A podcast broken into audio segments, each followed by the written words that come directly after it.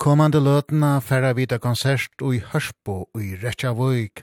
A patle er uslenskje retro-rockbøkeren The Vintage Caravan, som endar fyrsta part av The Monument-konsert for Søyne.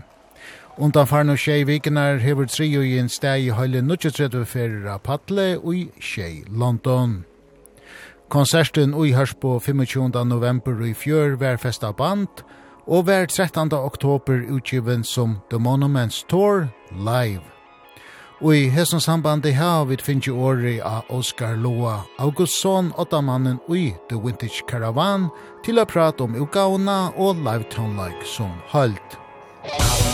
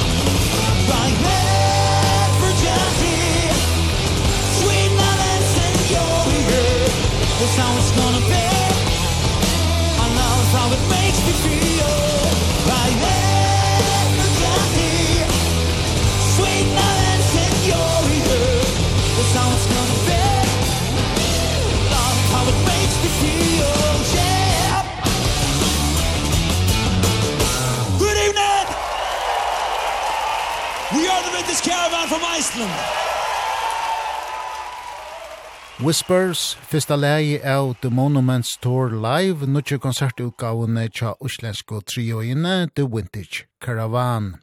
Lei er opprunnalega vi av nutjastu studioutgavu Torra Monuments, som var utgiven i 2021. Og i samband vi nukje tjo konsertutgavene har vi finnje året av Oskar Loa Augustsson, åtta mannen ui just The Vintage Caravan. Longo som talvara gamler av Gjörta Torbayer, Oskar Loje og Gudjon Reineson i 2006 at har vildi vera rockstjötnor ta tar blivo, vaksner.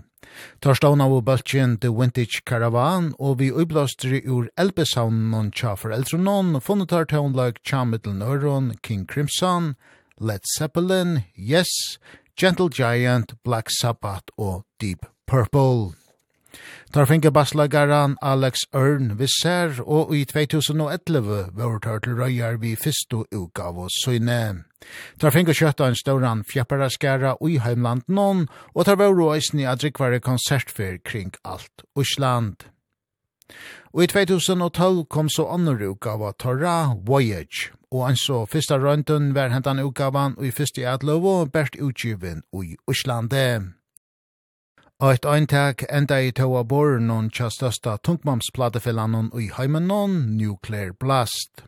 Og tei vore blåst om kottl sånn blueskjenta uslenska retro-røtjenon. Torska platefella i bjóa i The Vintage Caravan soppmala og fyrsta altsjava utgava torra Arrival vertøk i 2015. Etter hese utgavna valde trommoslovaren Gudjón Reyneson av personlige avon a færa bortur ur Bøtjenon. Han vær avlastur av Stefan Ara Stefansson, som har fyrsta sinne lotteker av æro altsjava utgavene tja uslensko trioine. Gateways, som var utgiven i 2000 og Ajan. Etter hetta skiftet The Vintage Caravan platefella og fyrsta utgava torra av Napalm Records er nødjasta studieutgavan Monuments som var utgiven i 2021.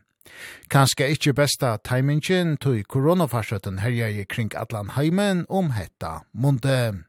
Oskar Loje Augustsson er åttamauver i The Vintage Caravan yeah we were recording in early 2020 uh so we just managed to fly our producer back to home to England and then everything shut down. So of course everything was kind of delayed for a long time as uh, as was everything of course. But yeah it's strange now to kind of like we're still kind of it's almost 4 years since we uh, recorded the album and we're still like uh promoting it. So you know it's it's been yeah, no, it's interesting, you know, but uh and uh not ideal of course. We got a really nice reception and we really felt like the nicest thing especially about that tour, we felt that people were listening to the album a lot. Every like even if we were were playing songs that, you know, were not the singles uh, uh so to speak they were everybody knew every lyrics and uh you know it was you know it's also kind of strange that album kind of has a feel to it that it was written in the pandemic you know it has like kind of like you know it has to like the lyrical themes are you know talk about that kind of stuff. So um which was kind of fitting. So i guess it was like a theme album for people being locked inside a little bit. So yeah, yeah. So it was uh, it was interesting.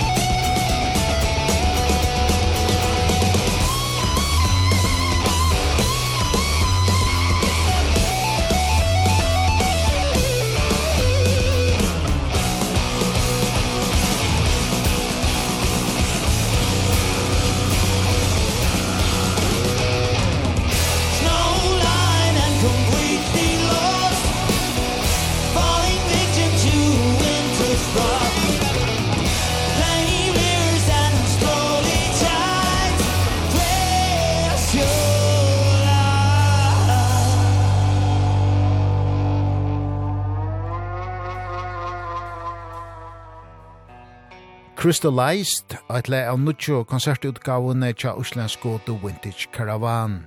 The Monuments Tour live ver utgiven 13. oktober. Opprona leia er Crystallized vi a Monuments, nuttja sto studioutgave torra som ver utgiven i 2021.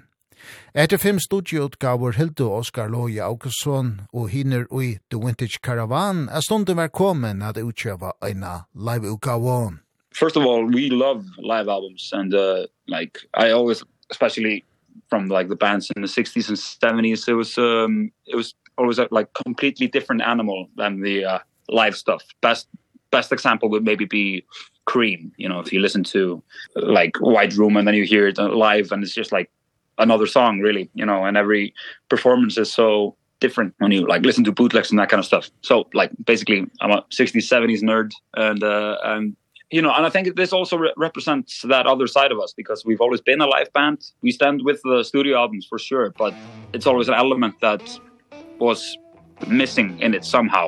We still don't know exactly what it is, but you know, you can hear it on the album. It's just and you compare it to the studio stuff, it's very very different, you know. So it's been uh, on the to-do list for a long time. Uh, I don't know how relevant these things are, but I really stand with this album. Because sometimes you listen to live albums nowadays and the sound is kind of weird and uh, you know, like really harsh, like not the like kind of warm sound of the those albums that I enjoy at least. And uh and you know, it's a performance, so it's different, you know. Things, you know, it's not like copy paste of something and it just put life on it just to sell something, you know. It's it's really a a cohesive piece, I think.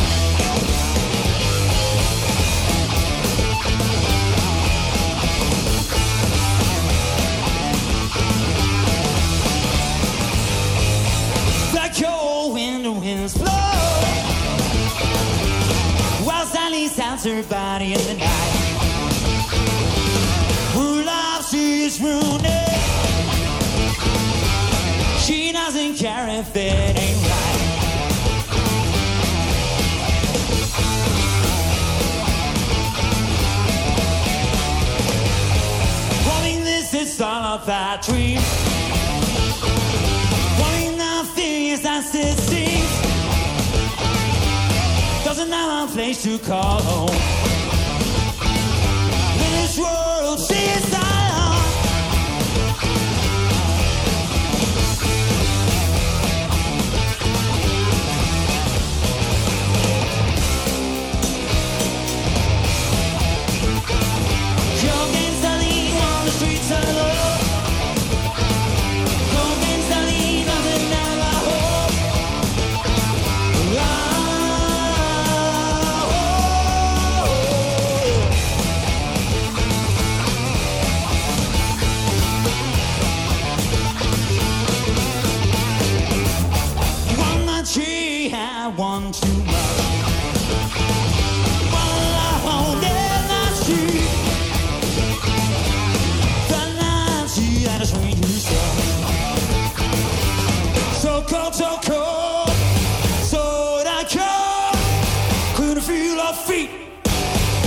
round that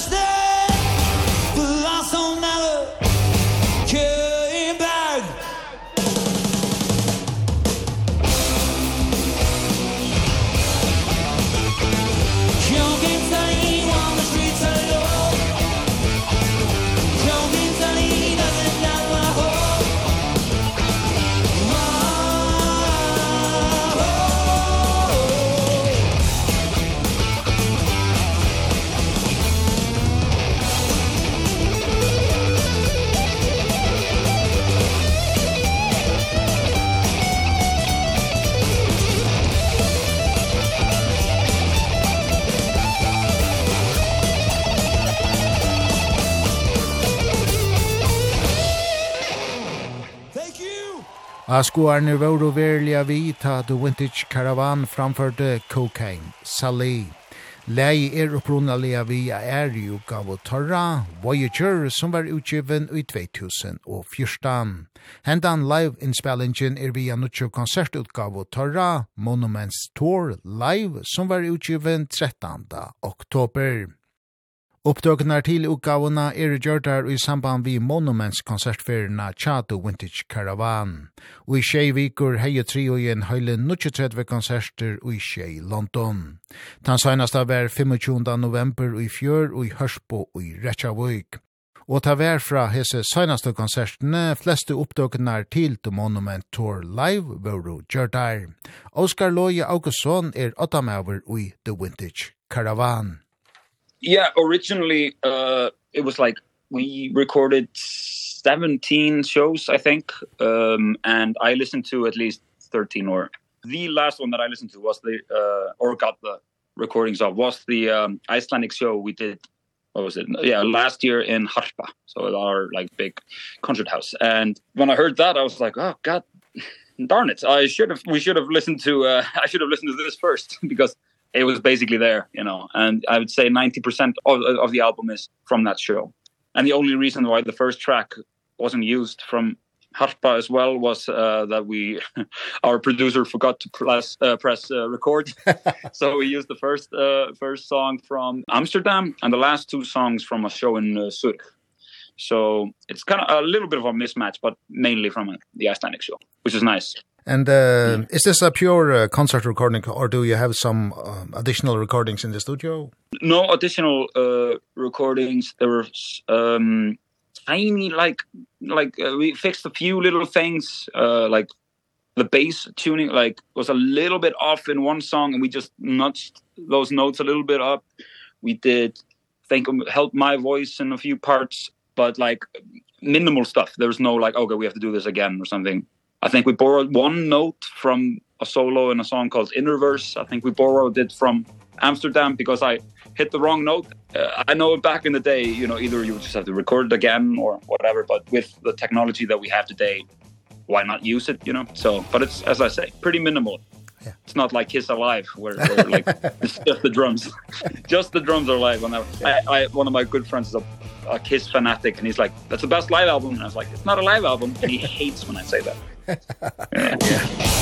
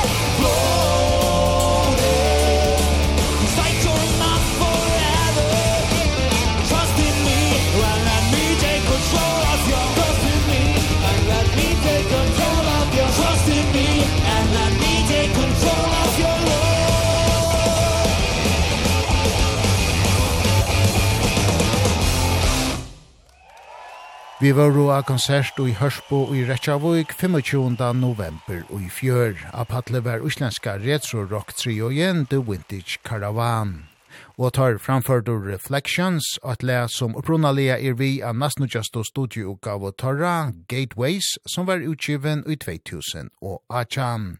Hendan live-upptøkan er vi av nudja konsertutgaven Chato Vintage Caravan, The Monuments Tour Live, som var utgiven 13. oktober.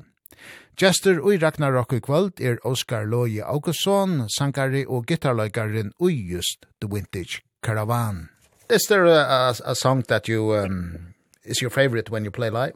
I think uh, the song in reverse uh which is uh, like a personal song i wrote about my brother uh and uh, like who passed away uh, he was alive when I, when i wrote, wrote those lyrics but he was sick but uh every time when we play it uh like the mood shifts and i feel like when especially when we play for like when we're warming up for a, for somebody like we we've been touring a lot with Opeth and stuff and we you know we do some big like rock songs to begin with and then we do this song and i feel like after like and during that song everybody's like okay we can get on board with this. It's always kind of the the song that kind of if you're on on the fence what you think about us then that song kind of like turns the whole room around and uh it's a it's a powerful song.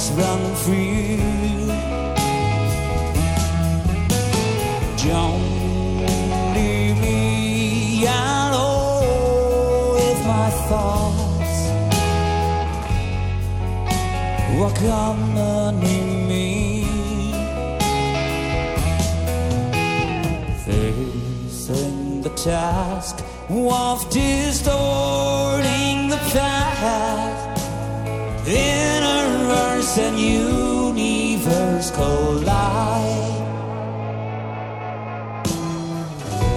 Stand to fall with no reaction.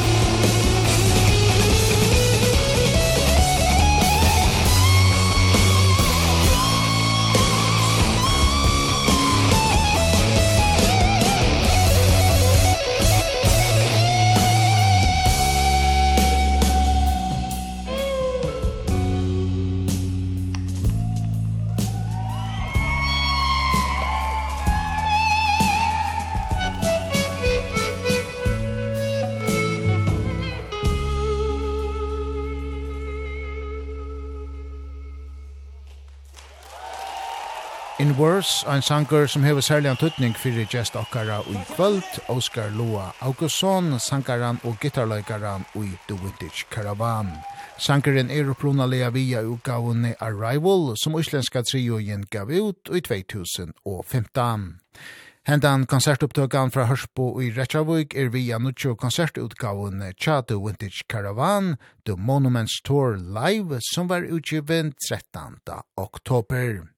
Oppdøkene til noe konsertutgavene er gjørdar i samband vi Monuments konsertferierna Tja The Vintage Caravan. To er jo hele seks sanger av disse 50 utgavene vi av settlista noen. Hine sangene er jo av hinun fyra utgaven torra, og ta vera en trobel oppgave at velja sangene som skulle være vi av settlista noen, grøyer Oskar Loje Augustsson fra. Yeah, uh, getting making setlists is getting more and more tough, especially with just releasing more albums and it's not going to get not going to get any easier uh you know because like and we you know we try to do do the like main singles from each album but also have to, you know, like if you just play the you know like the singles it can get for like people that come to a lot of shows it can get boring i guess but you kind of have a, have to have a good balance with it. Play some uh, deeper cuts and that kind of stuff. And for example this is this is similar to the set list that we used to do on the on the on the tour but uh we did one song from our first album which was uh, recorded when we were like 14 15 years old because we were playing in in Iceland and that album did okay there so we uh did one song that uh is from that album. Uh so that was kind of like a an oddity. It was like only that performance. So yeah it's fun to also just have at least one song at least from each album and you know.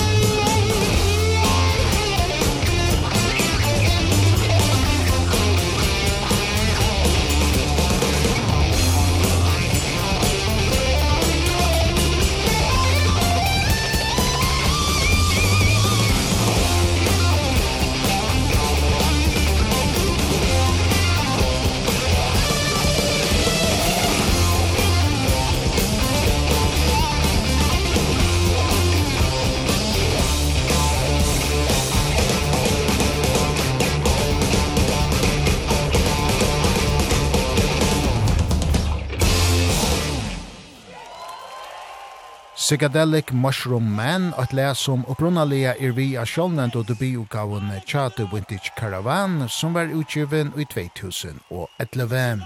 Hese fer framførdur av konsert og i Hørsbo og i Rechavik og i Fjør. Hendan oppdøkan er vi av The Monuments Tour Live, konsertutgavene som The Vintage Caravan, ladur håndom 13. oktober. Ta vore ta ankrer ankelter sanger fra The Monuments konsertferiene som ikkje kommer vi annutjo konsertutgavna. Årsøkjen vær a limener ui The Vintage Caravan ikkje var halt nøktor vi framførselna. Oskar Loje Augustsson er sangare og gitarløygare ui The Vintage Caravan. Some did get scrapped, so it's like uh, we did few times we did a song called This One's For You. We had a recording of it and we had it mixed and everything but like listening through it that we thought that you know I don't know I thought I thought it was good but uh, it could have been a little bit better so we just had to do you know, like skim the fat a little bit if I if I could say so. And there was like one slot in the on the set on the tour that we used to have like a it was like a revolving slot. We would do like uh one one of the deeper cuts more like proggier songs you know, in that one. Like okay what are we feeling tonight? Want to do this one or this one or this one? So So, but this was kind of like this is pretty close to what we were doing and um with um in that slot we now have a song called uh, Forgotten. And that is a song that works really really well live. And I thought it was the best kind of uh, best thing for the set list so we decided to have that version of it uh, in there. So yeah it's yeah but not much to cut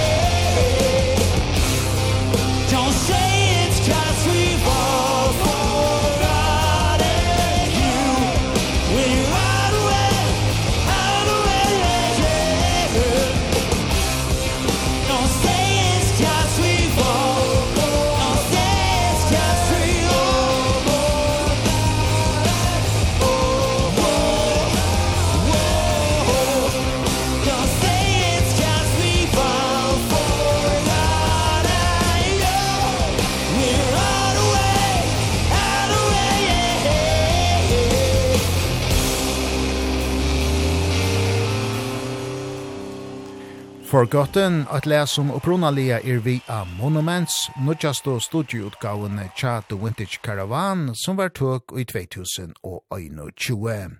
Hese for live av nudjastu konsertutgave torra The Monuments Tour Live, som var utgiven 13. oktober. Tøyrui, The Vintage Caravan, er og garveir tónlagarar, og tar heva vire vi av staurum festivalen som Hellfest og Vakken. Tøy spyrja vid Oskar Loa Augustsson, hvor størsta løta hansara av Patle hevur vire. It's a good question. It's a good question. Hellfest 2017 was just regarding like like reception. The reception was just insane. It was like 15,000 people and it was like the best crowd I've ever played for. I just had to like lift a finger and everything went crazy. It was like, you know, they were just there to have a good time and I think that was one we also did I feel like I'm always talking about Harpa, but we did uh, a, a show last year where we played um it was like a 50th anniversary of one of my favorite Icelandic albums called Leven by Trubrot. And so yeah, we played uh, that album in its entirety with uh, like original members from the band. That was insane. Uh, it was like so much fun. It was like a like a dream come true. So I think I would have to mention that as well as being one of my all-time live highlights. It's like strange like listening to stuff I've been listening to them since I was like 10 or something and then like you look on the side of the stage and like there's a guy who sang that and is singing it right now. It's crazy. Yeah. So yeah, that was a big moment for me and uh, us for sure. The Vintage Caravan hefur ferðast kring allan heimin við tónleiki, so i og Oscar Loje Augustsson heldur at ta er ståre a av ahirarnon at nu i Europa og Sur Amerika. Uh, it's very it's very different it's actually and i sometimes have to like emotionally prepare uh, if i know that uh if i were playing somewhere and i like they don't hate you they're just kind of cold you know it's like you know so like but uh like uh, I don't want to badmouth them at all. We have a lot of great fans from uh, the Netherlands, from Holland, but uh yeah, like I don't know if they're stoned or whatever, but they are just like it's just like, you know, it's just, you know, you know, the clap is basically and then it's over and it's just silence and you're like oh god i hated that. And then after the show i after the show like they come up to me and they're like that was the, probably the best uh, show i've seen. Thank you so much. And i'm like what? I saw you. You looked like you were falling asleep. Uh, but uh you know you know uh so that's always kind of funny. But uh there is definitely a difference. We just came home from a south america tour which is absolutely crazy. There people just they sing along with the riffs which is a thing that is like really really interesting. I i don't know if it comes from like their lack of uh, like um i don't know if they like they're not great at english and don't know all the lyrics or whatever or if it's just like i think it's like more football driven actually because like they always go to the football games and they're like bah, bah, bah, bah. and so they sing with all the riffs and sometimes it's like scary loud and we just have to kind of put like put the amps up so uh, uh that's one of my favorite places in the world to play i mean it's just yeah it's also it's like going to another dimension or something because they are like they stay at the wait for us at the hotels and like like at the airports and stuff like that you don't get anywhere else at least not us you know. We're just some dudes from Iceland so you know it's kind of funny kind of funny to experience that. But uh normally the rule of thumb is if it's really warm in the country the people are going to go crazy. Like Spain Portugal and and uh, South America. Crazy times. Well, I'm stops run down my side Where do I journey now? Oh, caged inside my wall The release, it goes upside Why flew too close to the sun? One more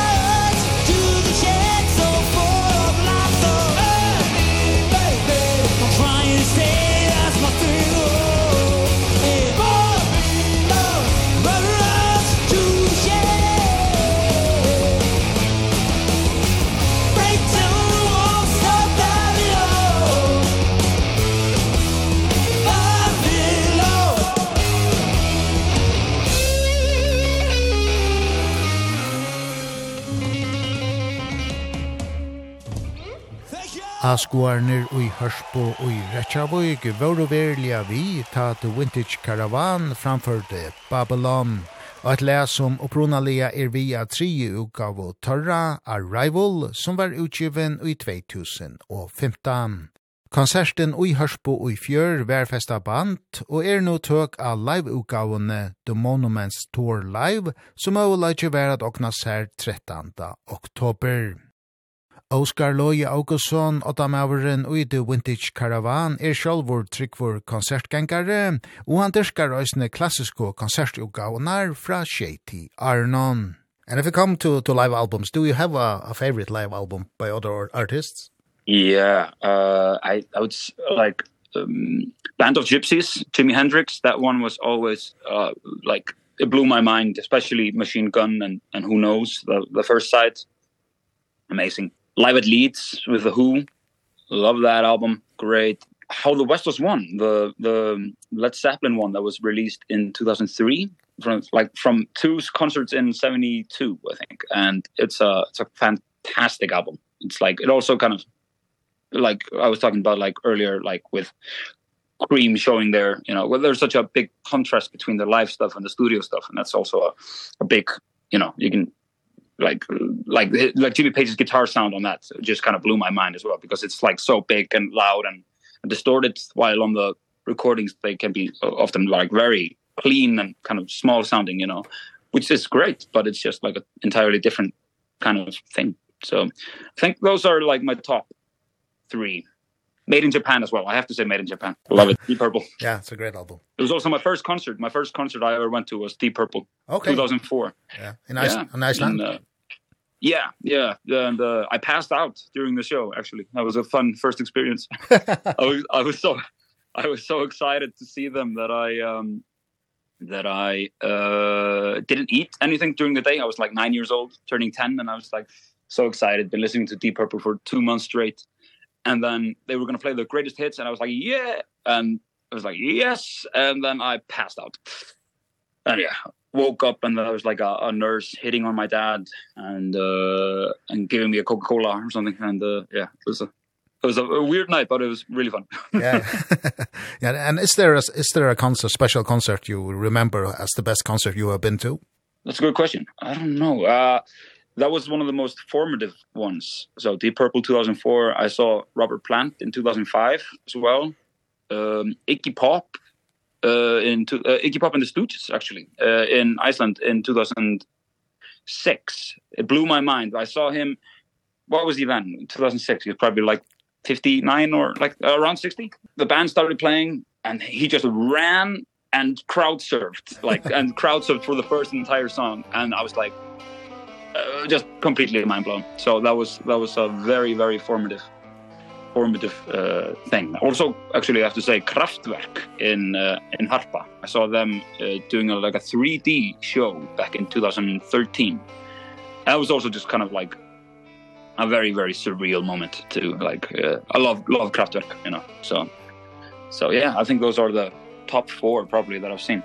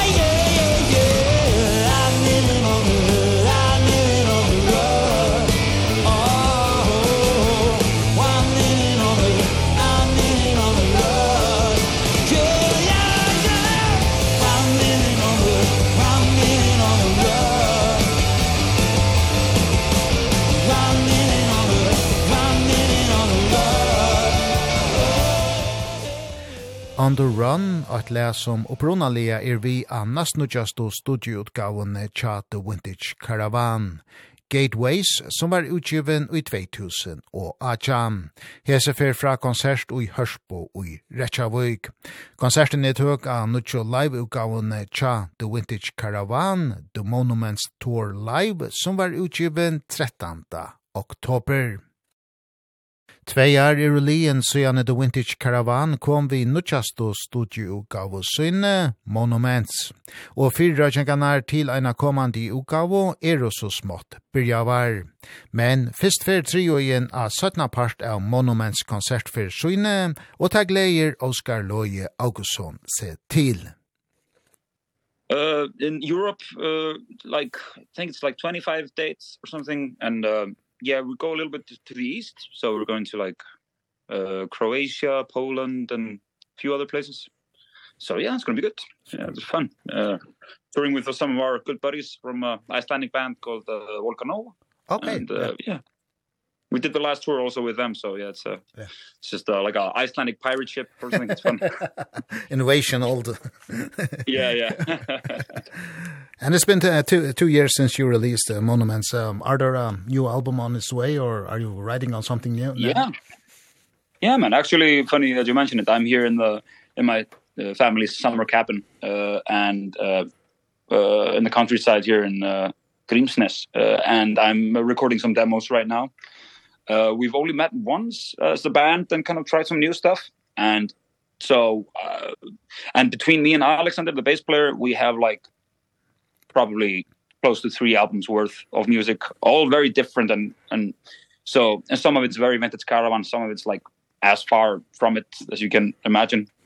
Funny enough, actually, uh, me and Alexander both at the similar, similar time, we wrote like very like Beatles-esque songs, kind of like Penny, like not like Penny Lane, but you know, that kind of like, yeah.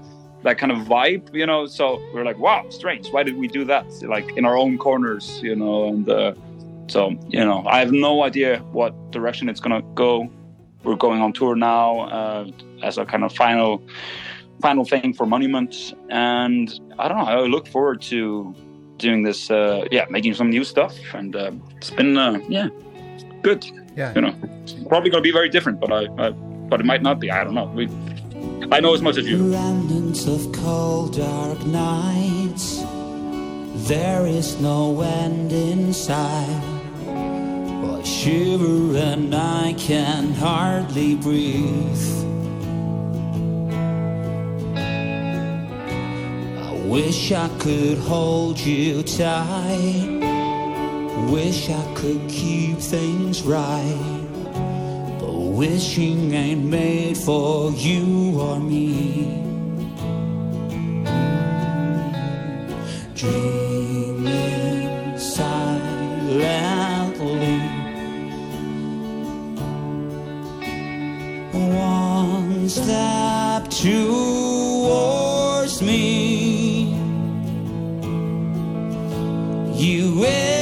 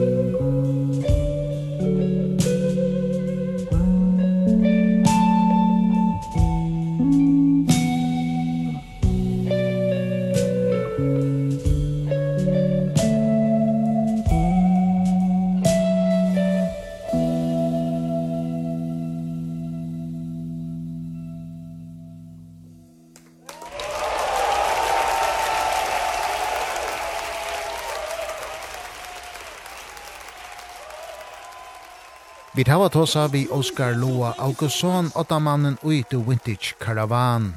Vi prata om nutsjo konsertutgave Torra, The Monuments Tour Live og om konsertutgaver som hølt.